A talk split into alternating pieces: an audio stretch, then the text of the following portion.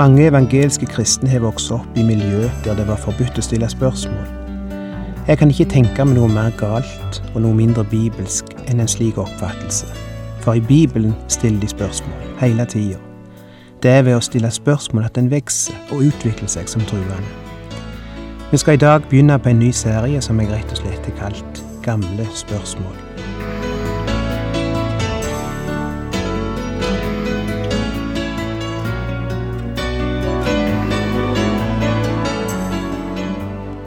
Hjertelig velkommen til et nytt program i serien Vindu mot livet. Vindu mot livet er basert på programserien Insight for Living ved Chuck Svindal. Programmet er produsert av Kristen Riksradio og blir ledet av Ola Bjoland.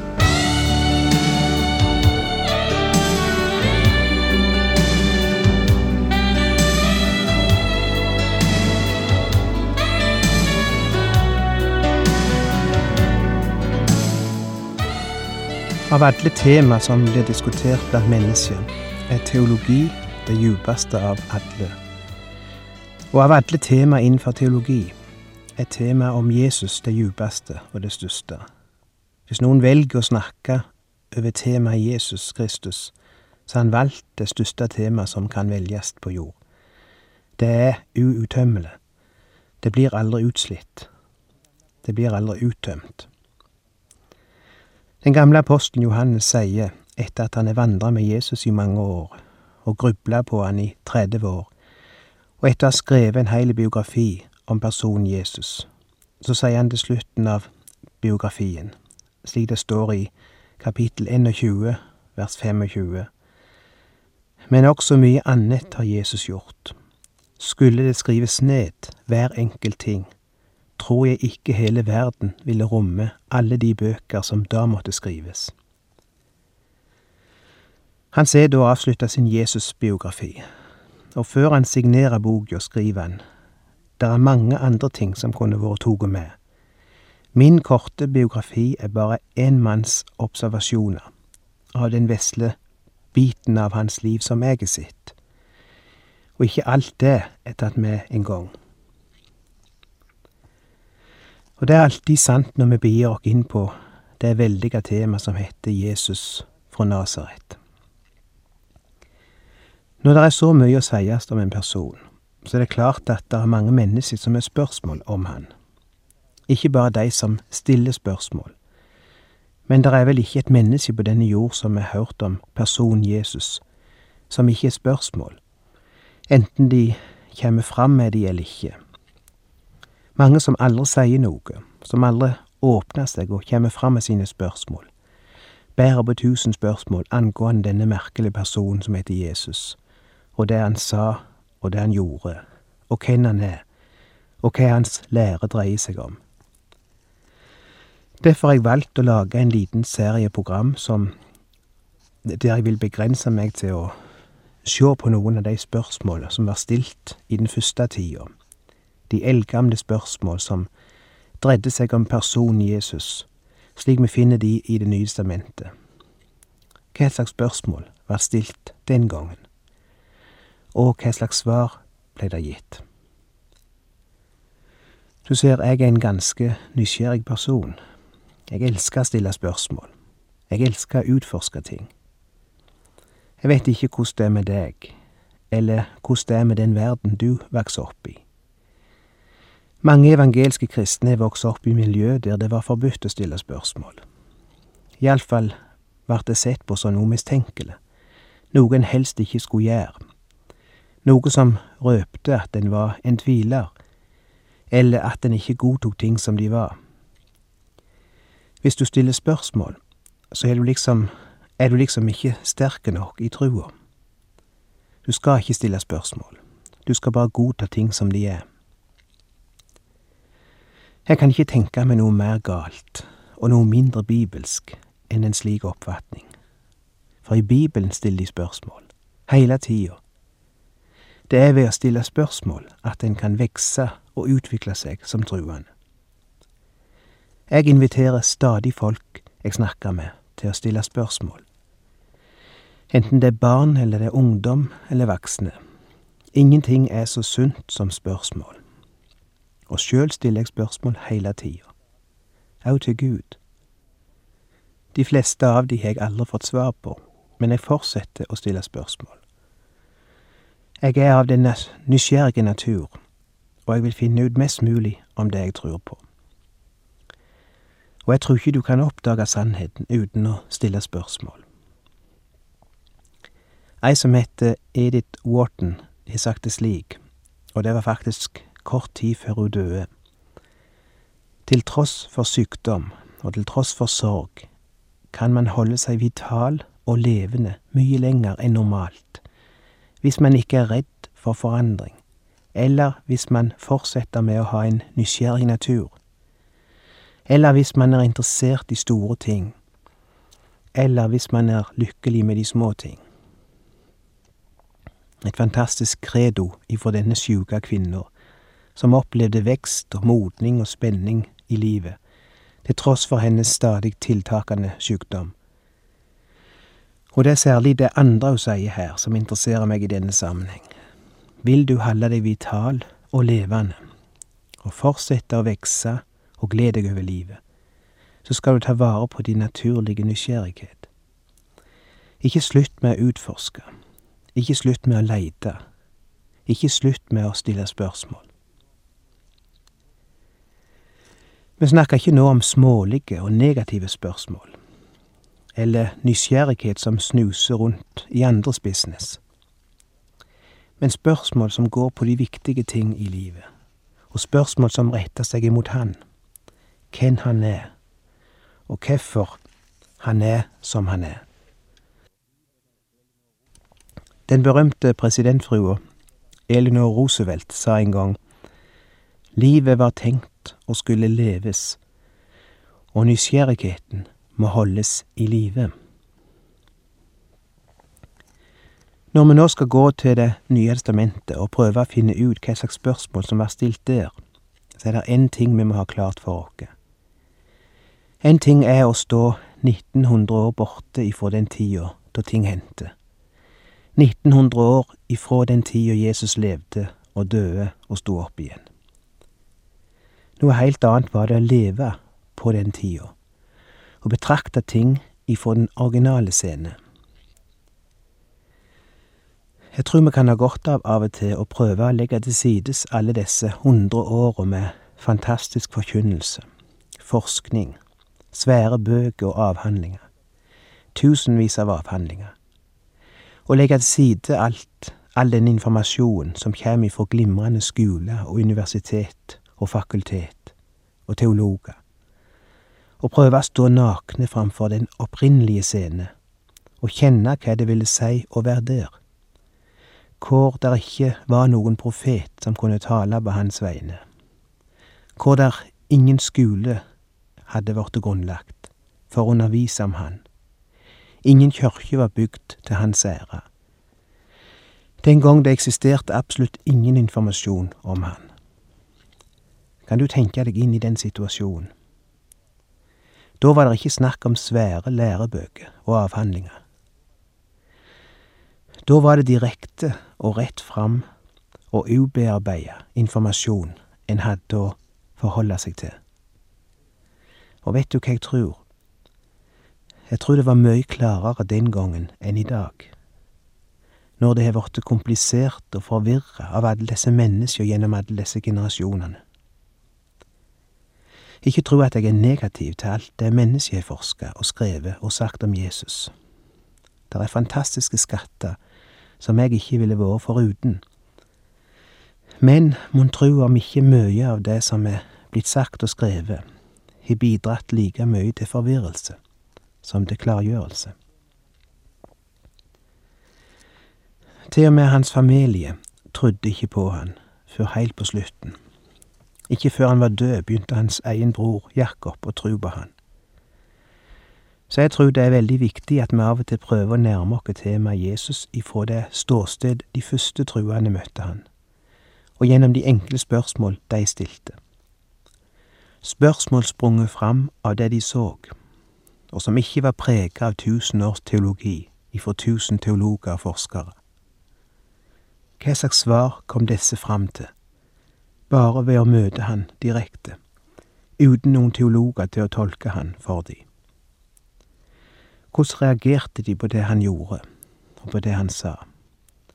Hvordan reagerte de da han fortalte de at han snart skulle dø, for eksempel? La oss se på noen av disse spørsmålene som var stilt. Vi begynner i dag med å slå opp i Matteus 16, ifra vers 13. Da Jesus kom til traktene ved Cesarea Filippi, spurte han disiplene, Hvem sier folk at menneskesønnen er? De svarte, Noen sier døperen Johannes, andre Elia, og andre igjen Jeremia eller en annen av profetene. Og dere, spurte han, hvem sier dere at jeg er? Da svarte Simon Peter, du er Messias, den levende Guds sønn. Jesus tok til orde og sa, Salig er du, Simon, sønn av Jonah, for dette har ikke kjøtt og blod åpenbart for deg, men min far i himmelen. Det går mot slutten av Jesu liv på jord. Men disiplene som står og samtaler med han her, har ikke den ringeste anelse om at det snart er slutt. De tror det nettopp er begynt. De tror de står framfor ei fantastisk tid, der Jesusbevegelsen skal etablere seg, med Jesus sjøl som leder og de som medhjelpere. Men så kommer Jesus med denne merkelige og overraskende uttalelsen mot slutten av denne samtalen, vers 21. Fra den tid begynte Jesus Kristus å gjøre klart for disiplene at han måtte dra til Jerusalem, og at de eldste overpresten og de skriftlærde, skulle la ham lide mye. Han skulle bli slått i hæl, og den tredje dagen skulle han oppstå. Det var fullstendig ny informasjon. Sjå for deg dette. Du har solgt eiendommen din. Du har sagt opp jobben. Du er spasert ut av arbeidsplassen. Forlatt alt for å være med og bygge opp denne nye organisasjonen der Jesus sjøl skulle være leder. Du har studert denne lederen. Han er helbreda. Han er vakt opp døde. Han er limt i sammen sprukne forhold. Han har gjort alt det som står skrevet at Messias skulle gjøre. Og de tror virkelig at han er Messias, og at han ifra nå av skal opprette og lede det, det riket på jord som det sto skrevet om i de gamle bøkene at han skulle opprette og at de sjøl skulle få være med og organisere dette, og være et slags kabinett for han, et slags styre. Det var derfor de hadde forlatt alt. Og så, når han er på topp av sin karriere, akkurat idet flokkene auker og folk virkelig begynner å bli oppmerksomme på det nye fenomenet, så drar han seg unna folkemengdene ved Genesaretsjøen og til en liten landsby to og ei halv mil nordøst som heter Cesarea Filippi. Hvorfor? For det første var det ikke så mange jøder der. Ikke så mange mennesker som ville kunne vært tiltrukket av han og komme til han. Mesteparten av folket der var hedninger, og de ville ikke være så interessert i denne jødiske læreren. Mon ikke det var en av grunnene? at Jesus rett og slett er i ferd med å avvikle. Og så trekker han seg bort til en avsides by der få kjenner han. Et slags første skritt på avviklingen. Og for det andre, det var en spesiell atmosfære rundt Cesarea Filippi. Noen heilt spesielle omgivelser som du og jeg ikke ser i dag, fordi vi bor omtrent på andre sida av jordkloden. Og vi ville vel ikke sett det slik de så det, sjøl om han har reist der i dag heller, for det meste av det er skjult nå. Men hva var det han så, eller hva var det de så rundt seg den gangen i denne byen? En mann har skrevet om det. Han skriver Spredt rundt i området av Cesarea Filippi var templer for den gamle syriske guden Baal. Ikke mindre enn 14 Baal-templer kunne man se i nabolaget. Her var et område hvor den gamle religion pustet sin spesielle atmosfære ut i luften. Det var en by under skyggene av antikke guder. Overalt var det altså Baltempel. Vinden plystra mellom de store steinblokkene som utgjorde monumentene, og gjennom de trange alleene mellom bygningene. Og midt iblant de var et massivt, hvitt marmortempel som var bygd til ære for Cæsar. Kanskje han sto og støtta seg til dette da han talte, jeg mener Jesus. Kanskje han sto i skyggen av et av disse templene. Prøv å sjå det for deg. Der står Guds sønn midt iblant guder, eller midt iblant tempel og monumentet og minnesmerket, bygd til guder. Og han bøyer seg framover og taler stilt til ei lita gruppe mennesker, idet han ser at ingen tempel er bygd for han, og han sier, Hvem sier folk at jeg er? Når det går i gatene her, mellom alle disse hedenske templer, eller nede i Jerusalem, der de påstår at de kjenner Gud, når det snakker sammen om de under jeg har gjort, eller de talene jeg har holdt, hva sier folk? Hvem sier de at jeg er? Hva slags syn har de på meg? Og de svarer ifra vers 14. Noen sier du er Johannes døperen. Kanskje du ikke reagerer så mye på det svaret, men det er faktisk ganske oppsiktsvekkende. Husk at Johannes er død på dette tidspunkt. Han er blitt halshogd. Det var Herodes Antipas som sto for den dåden. Den unge dama dansa for han, og i et øyeblikk av lyst og pasjon lot han seg overtale til å gi henne halve kongeriket, pluss Johannes sitt hode på et fat. Hvor han skulle komme til å angre på det etterpå. Han må ha hatt ganske mye mareritt om nettene etterpå, for hør hva han sier i kapittel 14 av Matteusevangeliet. På den tid fikk landfyrsten Herodes høre rykter om Jesus. Han sa da til mennene sine, Dette er døperen Johannes, han er stått opp fra de døde. Det er derfor disse kreftene virker i ham. Det ser altså ut til å ha vært Herodes som var den første til å tenke at Jesus kanskje var døperen Johannes, som var kommet til live igjen.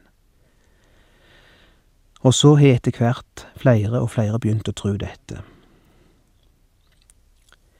Men det var òg andre meninger om han. Noen sier du er Elia. Vet du hvem Elia var? Han var en profet som var død allerede 900 år tidligere. Og nå tror noen at det er den eldgamle profeten som har begynt å røre på seg igjen. Og så er noen som tror han er Jeremia, en annen stor profet. Ikke stor i si egen samtid, vel å merke, for ingen profet er blitt stor i si egen samtid. Er ikke det interessant? Profeter vert aldri æra av si egen samtid. De vert aldri æra imens de lever. I tilfelle bare av noen ganske få. Det er først når de er døde at folk begynner å skjønne at de er profeter. At det budskapet de brakte, hadde noe for seg. Og det er òg tilfellet med Jeremia. De gjorde det vanskelig for Jeremia. De gjorde det virkelig vanskelig for han. Men så snart han var død, gjorde de han til en helgen. Og nå er det noen som tror at Jesus er Jeremia, som er kommet tilbake til jord. Og slik kan du fortsette å spørre folk i dag òg. Spør folk på gata. Spør folk på arbeidsplassen. Spør barn på skolen. Spør folk overalt hvem Jesus er, og du vil få mange interessante svar. Mange interessante svar. Men nå har Jesus fått nok. Tida er korte, og hvis disse disiplene skal bli i stand til å bære arbeidet videre etter at han er gått bort, og bringe budskapet om han utover jorda, slik han seinere gir de befaling om, så er det viktig at de kan svare rett på spørsmålet om hvem han er. Så han forandrer spørsmålet ifra Hvem sier folk at jeg er? til Hvem sier det at jeg er? Jeg vet ikke hvor lang tid det gikk mellom vers 15 og vers 16, mellom Jesus' spørsmål her og disiplene sitt svar, men antagelig nok tid til at de kunne sjå seg rundt og sjå alle templa og høyre vinden som plystra mellom de svære tempelsøylene, og til å oppdage at ikke et eneste av de var reist til ære for han. Hvem var han egentlig? Jeg mener, alle store menn, alle guder, hadde sine tempel. Men han hadde ikke ett. Ikke ei eneste kyrkje. Ikke et eneste monument. Ikke en eneste anerkjennelse ifra romerske myndigheter. Hans religion var ikke offentlig godkjent. Han var en trussel for de, en oppvigler. Han tror han er Gud, han må stoppes, sa de. Hvem var han egentlig? Hvis han var Guds sønn, hvorfor var det ikke flere som fulgte han? Kanskje det var spørsmål som hadde svirra i disiplene sine hoder lenge, og nå utfordrer Jesus de direkte med å spørre, Hvem mener det at jeg er? Og lenger kjem vi faktisk ikke i dag. Vi får la spørsmålet henge i lufta, så skal vi ta de opp igjen neste gang, og sjå hva slags svar som kjem. I mellomtida, som jeg sa innledningsvis, ikke slutt med å spørre. Det er sunt. Det er utviklende. Det er riktig. Jesus stilte også spørsmål, og han stiller fremdeles spørsmål. Og ett av de stiller til deg, og det er Hvem mener du at jeg er? Tenk over det spørsmålet så skal vi komme tilbake til det neste gang.